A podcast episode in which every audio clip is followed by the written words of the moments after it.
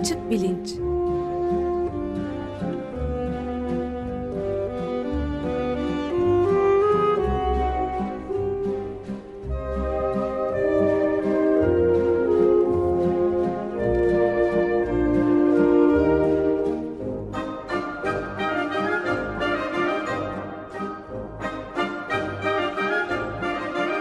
Güven Güzeldere ile bilim ve felsefe sohbetleri. Günaydın Güven Bey, merhabalar. Günaydın Ömer Bey. Günaydın Güven Bey, merhaba. Günaydın Can. Evet, bir konuğumuz var Chris Stevenson. Daha önce de konuk etmiştik keyifle. Şimdi e, siz de tanıtımını yaparsanız seviniriz. Tabii memnuniyetle e, Chris Stevenson'ı açık radyo dinleyicileri tanıyorlar. E, İngiltere siyaseti üzerine gözlem ve yorumlarını aktarmıştı. En son ben onu hatırlıyorum. Kendisi İstanbul Bilgi Üniversitesi'nde Türkiye'nin ilk bilgisayar bilimleri bölümünün e, kurucu başkanı e, olarak e, 18 sene e, hizmet e, vermiş bir bilgisayar bilimci. E, 2017 senesinde Nisan'da e, barış imzacısı olması e, dolayısıyla çalışma izni iptal edilmiş. Fakat e, eğitim projelerine üniversite dışındaki başka mecralarda devam ediyor. E, ortaokul ve lise öğrencilerinin de e, özellikle bilgisayar bilimleri ve yazılımla tanışması için e, çaba gösteriyor e, Nesin Matematik Köyü'nde düzenli hocaları arasında e, yer alıyor. E, Chris Stevenson'ın e, bilgisayar derslerini aslında video kayıtları olarak takip etmek mümkün. Ben bunun kaydını Açık Bilinç Twitter e, sayfasından e, verdim. Dolayısıyla isteyenler bu derslere oradan ulaşabilirler. E, ben de e, eski bir bilgisayar mühendisi olarak e, tavsiye ediyorum bu dersleri. E, Chris Stevenson hoş geldiniz, merhaba. Hoş bulduk. Hoş geldiniz, evet. merhabalar. Hoş geldiniz. Şimdi bugün bilgisayarlarla ilgili konuşacağız. Ee, geçen hafta e, 4-5 haftalık bir yapay zeka serisinin son programını yapmıştık ve yapay zekadaki gelişmeler ışığında bizi nasıl bir gelecek bekliyor olabilir e, sorusunu ele almıştık. Bugün de yine benzer e, bir soruyu fakat daha geniş bir açıdan, daha geniş bir çerçevede ele almak istiyoruz. E, giderek hepimizin hayatında daha merkezi yer tutan bilgisayarların e, var olduğu bir gelecek nasıl bir e, gelecek e, olur? Fakat gelecekten konuşmak için elbette e, işin tarihini de bilmek önemli.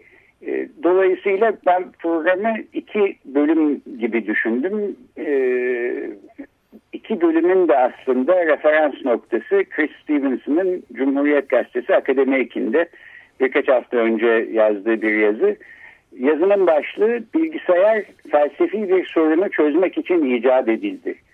E, dolayısıyla yazıda olduğu gibi önce bu felsefi sorunun ne olduğunu ve bilgisayarın icadına giden yolda matematikçi ve mantıkçıların katkılarını belki kısaca e, konuşabiliriz diye düşündüm.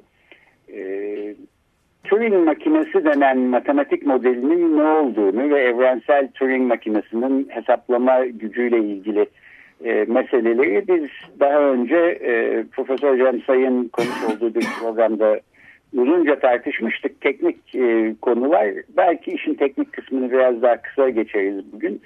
E, o programın da e, bağlantısını yine Twitter sayfasından koydum. E, Chris Stevenson'ın yazısının ikinci bölümü ise e, bugüne e, konuyu bugüne bağlıyor. Bilgisayarların evrensel niteliğinden yola çıkarak e, bilgisayarlar için çok önemli bir unsur olan yazılım ve yazılım üretimiyle kapitalizm arasındaki gerilinme e, değiniyor. Bu da aslında e, yarın e, nasıl bir yarın olacak e, sorusuna e, ışık tutan e, gözlemler içeren bir bölüm. E, ikinci bölümümüzde de programın ikinci bölümünde de bu konuyu tartışıyor diye. E, o zaman e, ben sözü Chris Stevenson'a bırakayım. Önce isterseniz bilgisayar hangi felsefi sorunu çözmek için icat edildi, nasıl bir e, yol izledi oradan başlayalım. Daha sonra kapitalizm ve yazılım e, meselesine gelelim. Tamam burada bu makalede anla, anlatmak istediğim şey yani teknik ayrıntılar dışında aslında temel bilimin rolü artık temel bilimlere o kadar önem verilmiyor eğitim sisteminde. Herkes işte uygulamalar şeylere girmek istiyor ama temel bilim e, çok önemli olduğunu ve aslında telim bilimsel bir temel bilimsel bir meraktan yola çıkarak bilgisayar icat edilmiş olduğunu altında vurmak istedim. Yani e, dün Nobel, dün öbür gün Nobeller açıklandı ve tekrar e, fizik Nobel e, al, alan bir e, akademik bilim insanı dedi ki yani bugünkü koşullarda bu çalışmaları yapamazdım. Üniversitelerde bu e, bugünkü koşullarda yani o kadar yayın baskısı, şu baskısı, bu da aslında üniversiteler üzerinde iktisadi baskısı altındayken bunu yapamazdım. Bu çalışmayı yapamazdım. Ge geçen e, geçen sene diyor önceki sene Higgs e, e, bozon, bozon, bozon e, icat eden Higgs aynı şey dedi. Bugün bu çalışmayı yapamazdım. Ve bunun altında vurmak istiyorum. Burada aslında e, yani Marx'ın bir ifadesi var. Bir işte üretim güçleri ve üretim ilişkisinde bir çelişki var. Üretim ilişkileri üretim güçlerinin gelişmesine engel oluyorlar. Evet. evet. Ve burada bilim ve mühendislik ve e, teknoloji konusunda da e, geçerli.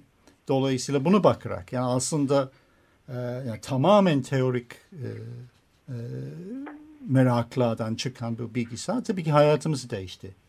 Ama, ama hemen yani bundan para kazanalım işte bunu bir şirket kuralım diyenler aslında bilgisayarın gelişmesine engel oldular ve bu çelişki hala e, çok e, bariz bir şekilde yaşıyoruz. Bilgisayar konusunda, yazılım konusunda vesaire. Dolayısıyla dönersek e, hangi konuyu merak ediyoruz? Temel felsefi bir sorun. Bili, matematiksel bir sistem içinde bir şeyin doğru olup olmadığını kesin bilebilir miyiz?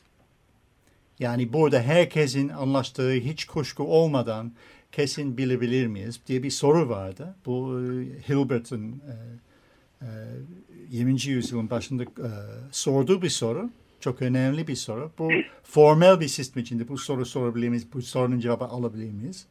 Ve e, esas olarak bunun cevabı hayır. Belli bir formel matematik sistemin içinde bu, bunun cevabını alamazsınız. Bu tabii ki çok derin bir konu. Doğru, derin bir cevap, bir felsefi bir tartışma yaratan bir cevap, bir çalışmalara sebep olan bir cevap. Bunun içinde bilmek, hesaplayabilmek fikri açık, açıklayabilmek için yani bir şekilde bu hesaplama fikri geliştirmek e, zorunda kaldılar. Turing kendi makinesini öğrendi, Church lambda kalkülüsü öğrendi, e, Gödel recursive function'lar önem, e, önerdiler. Bu, bu alanda hepsi çalışıyorlardı ve aynı sonuç vardılar. Yok belli belli şeyler de hesaplanmaz. E, bu da çok ilginç bir sonuç. Ama bunu e, sonuç varabilmek için yolda hem bilgisayar bir makine olarak hem de e, ilk programlı dili icat etmek zorunda kaldılar. Yani bu, bu kavram e, bunu kavramsallaştırabilmek için. Dolaylı, dolaylı bir sonuç diyebilir miyiz buna? Evet, dolaylı bir sonuç. Yani felsefi, felsefi bir sorun çözmek için bu aletler icat etmek zorunda, zorunda. Ve tabii ki yani hiçbir şey bilmeden yani bir şekilde bu tekrar tekrar olan, olan bir şey. Örneğin Lobachevsky, Rus matematiği 1900'lerin ortasında non-Euclidean geometri sadece meraktan icat ediyor. E, kimse önem vermiyor. Yani, makalesini bile Moskova'da, St. Petersburg'da bastıramıyor. Kendi yerel bir üniversitenin dergisinde bastırıyor. En sonunda yani Einstein bunu raftan indirip genel relativite için kullanıyor non-Euclidean geometri. Genel relativite yer çekiminden çakıyoruz ama bu son Nobel'in konusu olan e, yer çekim ve yer çekim yargıların geometrisi Lobachevsky'de. Yani temel bilim her zaman yani önemli bir şey ve yani görüyoruz. Yani Rus çağrılık toplumunda önem verilmeyen, bizim toplumumuzda şimdi e, önem verilmeyen bir e, bir şey ve bu da yani bence yaşadığımız topluma karşı çok e, temelli bir eleştiridir. Yani artık bu işler e, çok daha zor yapılacak. Evet, e, yani son 70-80 senedir e, bilgisayarlar pratik alanda e, pek çok gelişme gösterdi. E, değişik araçların içinde yer alıyorlar ama e, kavramsal olarak işin teorik e, temellerinin e, atılmasından bu yana aslında çok fazla değişen bir şey yok.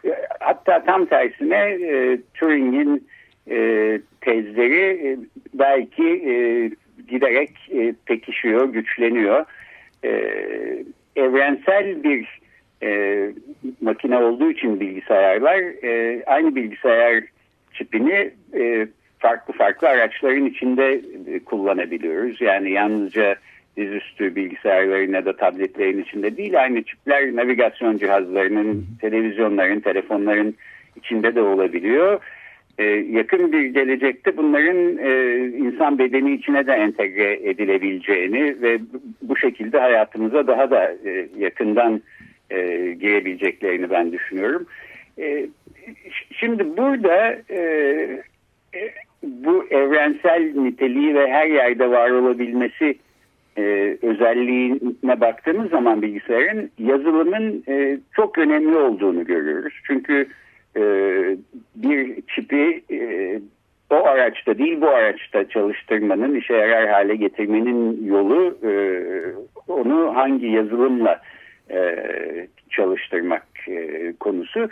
E, fakat e, yazılım üretimi e, ilginç bir şey. E, bir e, üretim tarzı olarak düşünecek olursak e, sizin de yazınızda bahsettiğiniz gibi bir kez doğru şekilde üretildikten sonra yeniden çalıştırılmasının maliyeti hemen hemen e, yok. E, entelektüel mülkiyet hakları buna bağlı telif ücretleri bu konuların hepsini aslında yeniden gündeme getiren ve e, tartışmaya açan bir alan, bir sektör gibi gözüküyor bana yazılım.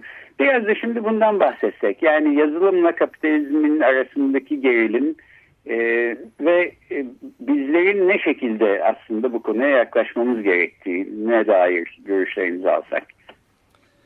Evet bu da yani çok ilginç bir alan. Çünkü yani bir istatistik vereyim. Yani bu tartışılır bir istatistik. Diyorlar ki e, yani bilgisayar yazılım projelerinin yarısı başarısızlıkla sonuçlanır. Bazı kişilere bunu diyorlar diyorsun. Aa yok e, fazla diyorsun. Bazı kişiler ki yok yok daha fazladır. Yani tabii ki biraz başarısızlık nasıl ölç, ölçüldüğüne göre ama yani bakıyorsun hükümet büyük projeler e, sık sık felaketle sonuçlanıyor. Örneğin İngiltere'deki sağlık sistemin e, otomasyon işleri ya da e, yani bir sürü böyle projeler çok felaketle e, sonuçlandı. Amerika'da aynı şey geçerli. Bir yazılım yani kapitalizmin son aşmasında önemli bir şey. Çünkü Marx anlatıyor ki yani serm, işte sermaye organik bilişimi artıyor. Yani daha fazla ölü emek, daha az canlı emek bir e, ürün içinde. Yani yazılım böyledir çünkü bir defa yazılıyor, çok defa kullanılıyor. Dolayısıyla bunun e, yani aslında em, içindeki emeğin yüzde 95'i yüzde 99'u ölü emek. Evet. Ee, yani canlı emek yani destek verilen emek ve çok az bir pay var. Dolayısıyla bunun e, e, kapitalist ekonominin üstünde etkisi bütün çelişkileri derinleştiriyor. Yazılım projelerinin en az yüzde ellisinin başarısızlıkla sonuçlandığı hem çok şaşırtıcı bir şey. Ama ne demek bu? Başarısızlıkla sonuçlanmak ne demek bir yazılımın? Şimdi e, çeşitli tanımlar yani proje e, en en kesin şey proje iptal oldu. Ya evet. Bir sürü para gitti. Ondan sonra iptal oldu. Hiç kullanılmadı. Kullanılmadı. O da kesin bir başarısızlık. Yani ya da e, iddia edildiği kadar çalışmıyor. İddia edildiği alanda yani tesis kaldı yani bir proje başlayınca bu şu şu, şu yapacağın işler işe yaramıyor yani. yani bir işe yaramıyor ya da işlerin yüzde onu yapıyor vesaire. Evet, anladım. Öyle. Dolayısıyla bu rakamlar değişiyor buna göre ama iptal edilen projelerin sayısı çok yüksek. Evet çok şaşırtıcı bir rakam. Ben de yazıda gördüm bunu zaten ve inan, inanamadım gözlerime. ama piyasa, piyasada çalışanları sorarsın. Ho, evet. Tabii diyor. Tabii. Yarısı çöpe atılıyor. Evet, yani. Yarısı çöpe atılıyor. Vay canına. Evet. Hmm. Çünkü e, yani burada e, işte çalışma ilişkilerle olan sorunlar var. Ve yani bu, bu alanda herkes çalışıyor, herkes çözüm üretmeye çalışıyor ama e, yani burada hiyerarşik çalışma ilişkiler yani e, üretim zincirinde çalışan işçi için uygun olabilir. Yani ona bir üretim dayatmak için uygun olabilir. Aslında giderek o da daha e, az uygun olmaya başlıyor. Ama e, yazılım üretmek için hiç de uygun değil. Ve bu e, hiyerarşik ilişkiler aslında yazılımın e, üretilmesine engel oluyorlar. Dolayısıyla devamlı bocalayarak yani bir şekilde e, yani ticari olarak hiyerarşik ilişkileri bozmadan ya, yazılım yazanlar arasında e, hiyerarşik ilişkileri daha düz haline getirmeye için çalışıyorlar. Dolayısıyla ben de bir soru sormak istiyorum. Peki akademideki durum nedir? Akademide insanların üretim faaliyetleri de benzer koşullarda kayboluyor, eriyor mu yoksa onlar da kullanıldığı alanları kendi içerisinde tekrar baştan yaratıyor mu? Ee, şimdi e, yani akademi içinde yani başka bir e, baskı var. Yani çünkü her şeyi ölçmeye çalışıyorlar ya artık akademide. Özellikle yayın ölçmeye çalışıyor. Burada e, bilimsel araştırmaya çok büyük bir engel oluyor. Çünkü herkes makale sayısı artırmakla meşgul. Diyelim ki bir fikri var. Güzel bir fikir. Ama yani akademik hayatta kalmak istiyorsa o fikri üç makale bölmek zorunda. Evet. yani bir fikir.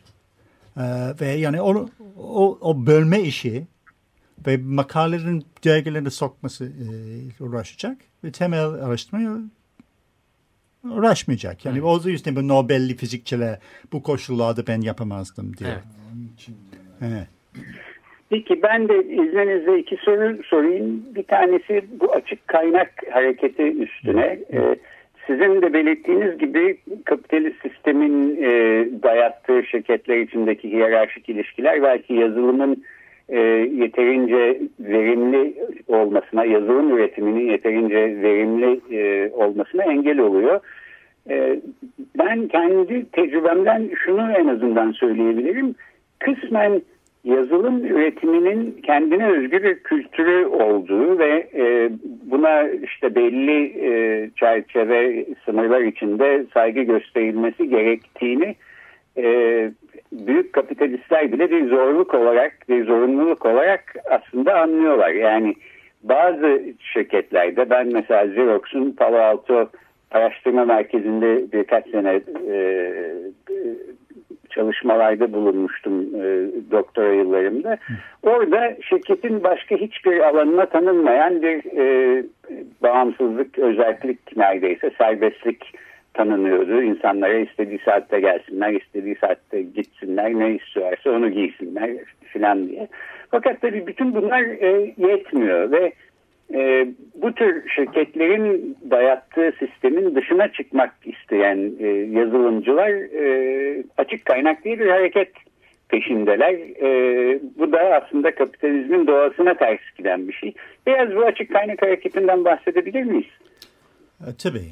Yani e, haklısınız. Burada e, yani bazen adalar yürütülüyor. Örneğin bahsettiğiniz Xerox Park Laboratuvar ya da Bell Labs 70'lerde 80'lerde Bell Labs ITT'nin e, sebeple Bell Labs de Unix ve C programlı dili doğuran e, yer.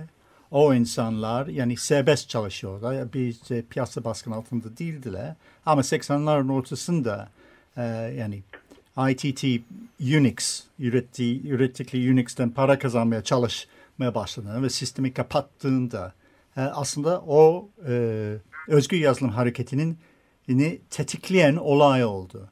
Yani o, orada yani birden Unix'ten bedava olan bir şeyden 50 bin dolar lisans ücreti olan bir şeyden çıkınca ya Richard Stallman bu tür şeylere karşı tepki göstererek özgür yazılım hareketinin e, temel taşlarını attı.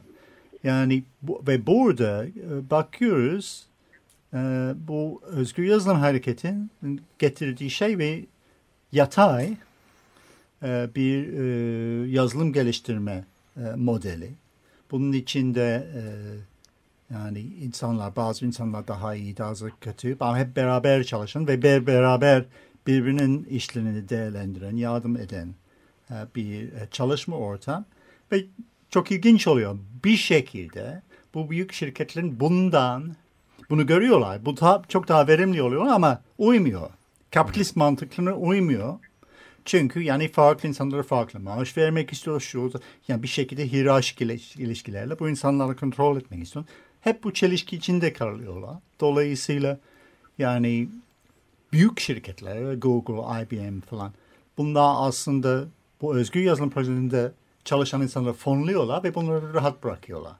Yani yap, bunu yapabiliyorlar ama aynı zamanda her zaman bir bu gerilim var. Yani bir şekilde bu ürünler al, alıp kapatamaz mıyız, şunu yapamaz mıyız? O da işte bu yani özgür yazılım lisans savaşları var vesaire. Evet. Yani ve bakıyorsun bir şekilde örneğin çok yakın geçmişti bir örneğin Git diye bir araç var. Git e, yani Linus Torvalds, Linux'un e, kernel icatçısının bir iki hafta, birkaç haftanın içinde kendi ihtiyacını geliştirdiği bir alet. Bunun e, amacı birçok kişinin aynı yazılımın üzerinde aynı anda çalışabilmek için ve tamamen yatay bir örgütleme. GIT diye değil mi? Git. G, git. GIT. Şimdi yani bu 9 sene önce piyasaya çıktı. Ee, yani bir kişinin ürünü şimdi dünya yazılımcıların yüzde 40'ı Git kullanıyor. Çünkü bu çok daha verimli bir yöntem. Ama bu özgür yazılım dünyasından çıkan bir e, araç. Yani, yani özgür yazılımın düşmanı Microsoft Git kullanıyor. Evet çok ilginç. Kendi, aletlerini çöp atmak zorunda kaldı Git kullanıyor. Ee, yani çünkü bu yatay e, yöntemlerle e, yazılım daha e, hızlı gelişiyor. Ama her zaman bu, bu yani bir şeyler çalıyorlar özgür yazılım ama bu çelişkileri çözemiyorlar. Evet ben bir de şeyi sormak istiyorum. Bu Aaron Swartz e, açık yazılım, özgür yazılım savunucusuydu Hı. ve Yale kütüphanesini yanılmıyorsam olduğu gibi açtı. Hı. Ve çok ağır bir bedel ödettiler kendisine. Evet. intihar etti sonunda. Evet, Öyle evet. bir şey değil mi?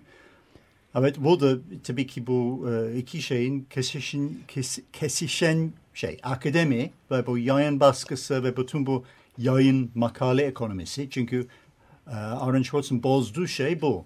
Yani evet. aslında bedava olması gereken şeyler dağıttı. Yani e, herkesin kam yani müşterek olması gereken bir şeyi kendisi müşterekleştirdi, dağıttı ama Bilimsel bedel, ağır bedel ödettiler. O çok ağır bir bedel. Çünkü burada yani Springer Verlag, e, e, e, Thompson e, ve Elsevier üçlü tekelde olan bu alan yani inanılmaz karlı bir alan ve burada para aslında devletten özellikle aktarılıyor. Çünkü işte esas olarak bu yayın makale, bu yayınları satın alanlar üniversiteler. Ve bu üniversitenin bütçesi önemli bir kısmı oraya gidiyor ve bu şirketler bu para yiyorlar ama şirketli bu makaleleri üretmiyorlar. bu makale hepsi üniversite üretiliyor. Yani inanılmaz bir soygun, evet. bir yolsuzluk hikayesi ve burada yani gördüğümüz şey bilimin önünde bilimin gelişmesinin önünde bir engeldir. Ve erişimde hiç kolay değil. Evet. Ve hırsız diye hapsetmeye falan dava açtılar. Yani, yani akıl almaz bir e, haksızlıktı, adaletsizlikti yani. World Wide Web'in tarihi de çok benziyor. World Wide Web niçin? Yani bizim bildiğimiz internet, herkesin internet olarak bildiği hmm. şey CERN'de icat edildi. Ne, ne amaçla? CERN'deki Large Hadron Collider'ın e, deneylerin sonuçlarını paylaşmak için. Yani serbest olarak bilimsel Sure, sonuçları evet. paylaşmak için icat edildi. Ondan sonra dünyaya feşetti. feşetti. Niçin dünyaya feşetti? Çünkü açıktı. CERN çok iyi bir karar oldu 1993'te. Bütün patentlerden vazgeçiyoruz. Bu bütün bu sistem kamuya mal ediyoruz. Dolayısıyla World Wide Web o, o zaman dünyaya fe, e, fethetti. E, ama bakıyorsun, şimdi nette geliyorsun, bir bilimsel makale arıyorsun. Tek uğraş, uğrayamadığın şey, ulaşamadığın şey bilimsel makaleler. Onlar evet. hepsi paywall arkasında. Yani bu evet. para ödeyeceksin. Yani evet. World Wide Web'in icat ettiği şey için World Wide Web hiç kullanamıyorsun. Ve evet. ufak rakamlarda değil bunlar. Yok yok. Yani pornografi ya da kedi seyretmek istiyorsun ya serbest ama bilimsel makale ulaşamıyorsun. Çünkü evet. yani hepsi paralı. Yani eski evet, makaleler eski makaleler bile JSTOR'daki eski makaleler yani Turing'in makalesi bile yani 1930'da bütün, bütün copyrightları bitmiş bir makale. Ben sağ olsun Bilgi Üniversitesi'nin kütüphanesine ulaşabilirim. Evet. Dışarıdaysan parayla, para. Para istiyorlar ama bunu istemek hakları yok. O yüzden Aaron Schwartz bunu yapıyor. Evet onu yapıyor. Evet süreyi de evet, bitiriyoruz. Bu da aslında kapitalizmle yazılım arasındaki gerilimin belki bir başka ifade biçimi sizin de yazınızda bahsettiğiniz gibi. Ben e, özgür yazılım hareketinin aslında çok devrimci bir potansiyele sahip olduğunu düşünüyorum. Çünkü yazılım kendi doğası itibariyle de üretimi e, bir grup insan tarafından aynı anda yapılabilen bir şey. Her nesne böyle bir üretime izin vermiyor. Yani bir roman yazacaksınız bunu işte 800 kişiyle bir arada birlikte e, üretmeniz çok zor belki imkansız ama yazılım böyle herkesin bir ucundan tuttuğu, geliştirdiği, revize ettiği e, bir nesne üretmeyi de mümkün kıldığı için özgür yazılım hareketinin böyle büyük bir potansiyele sahip olduğunu düşünüyorum. Burada çok kısaca belirteyim genç bir Türk sosyal bilimcinin e, doktora tezi Orta Avrupa Üniversitesi'nde 2015 e, senesinde kabul edilmiş, yayınlanmış. E, Free Software as Commons başlığı yani bir müşterek olarak e, özgür yazılım. E, ben de bu konuyla ilgili pek çok şeyi o tezden öğrendim. E, çok özgün ve ilginç fikirler e, barındıran bir e, tez. Türkiye'de de ayrıca bu işin pratiğiyle uğraşan açık kaynak e, e, özgür yazılım projeleri içinde yer alan genç insanlar olduğunu biliyorum. E, bunu da aslında çok önemli buluyorum çünkü bu genç insanlar dünyada neyin e, neler olup bittiğini bilmenin ötesinde bunun bir parçası da olmayı beceriyorlar. E, belki Türkiye'yi işte bugünden yarına taşıyabilecek kişiler onlar. E, bu bağlamda son bir soruyla e, o zaman programı kapatalım isterim. Kapitalizmin e, dayattığı hiyerarşik ilişkilerin yazılıma, yazılım üretimine ne şekilde negatif etki yaptığından bahsettiniz. Soruyu bir de tersinden sorsak. Yani e, yazılım özellikle açık kaynak hareketi, özgür yazılım hareketi e, bilgisayarların giderek daha önem e, kazandığı yarınımızda kapitalizmin ömrünü sizce uzatacak mı, kısaltacak mı, bir etkisi olacak mı? Öbür yandan bakarsak etkiye siz gelecek hakkında ne e, görüyorsunuz? Valla Rosa Luxemburg'un lafı var. Ya sosyalizm ya barbarlık. Yani burada bize bağlı. İrademize bağlı, bizim yaptıklarımıza bağlı. Çünkü bir tarafta özgür yazılım haklısınız. Yani başka bir çalışma modeli küçük bir örneği bizi gösteriyor. Yani insanlar iş bilincinde işte parasal ilişkilere düşmeden e, beraber çalışabiliyor. Aynı zamanda bakıyorsun Google ve Facebook'un korkunç tekkelleri özgür yazılımın üzerinde e, inşa edilmiş. Yani Facebook ya da Google Linux olmadan olamaz da olamaz da yani bu ekonomik olarak olamaz da ve bu tekeller bence çok korkutucu ve bunlar doğal tekeller ve ancak ve ancak politik bir iradeyle bunların e, demokratik kontrol altında alınması mümkündür. Yani burada e, yani iş yani bir özgür yazılım çalışma yöntemi bir bir örnek gösterebiliyor ama bir nihai bir çözüm olamaz. Bu, bu, bu nihai çözüm için sıradan insanlar kendi hayatına el koyması lazım. Demokratik bir şekilde. Evet, Başka ta, çare yok. Tabandan yukarı doğru baskı evet. yaparak ele alması lazım. Evet. Galiba bitiriyoruz.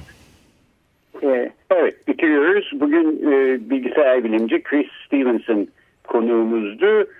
E, felsefi bir sorunu çözmek için icat edilmiş olan bilgisayarların tarihinden, e, özgür yazılımdan ve e, bilgisayarlı gelecekten bahsettik. E, e, Chris Stevenson çok teşekkür ederiz geldiğiniz için. Çok Ben teşekkür teşekkürler. Çok teşekkürler. E, haftaya görüşmek üzere. Hoşçakalın. Görüşmek üzere. Hoşçakalın.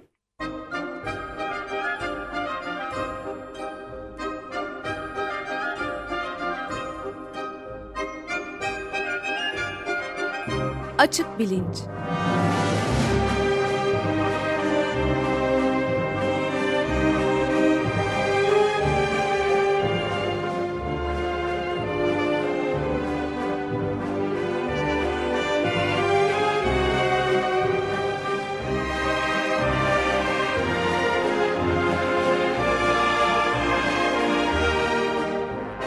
Güven Güzeldere ile bilim ve felsefe sohbetleri.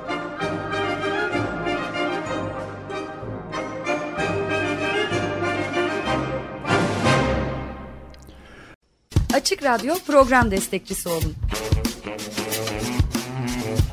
Bir veya daha fazla programa destek olmak için 212 alan koduyla 343 41 41.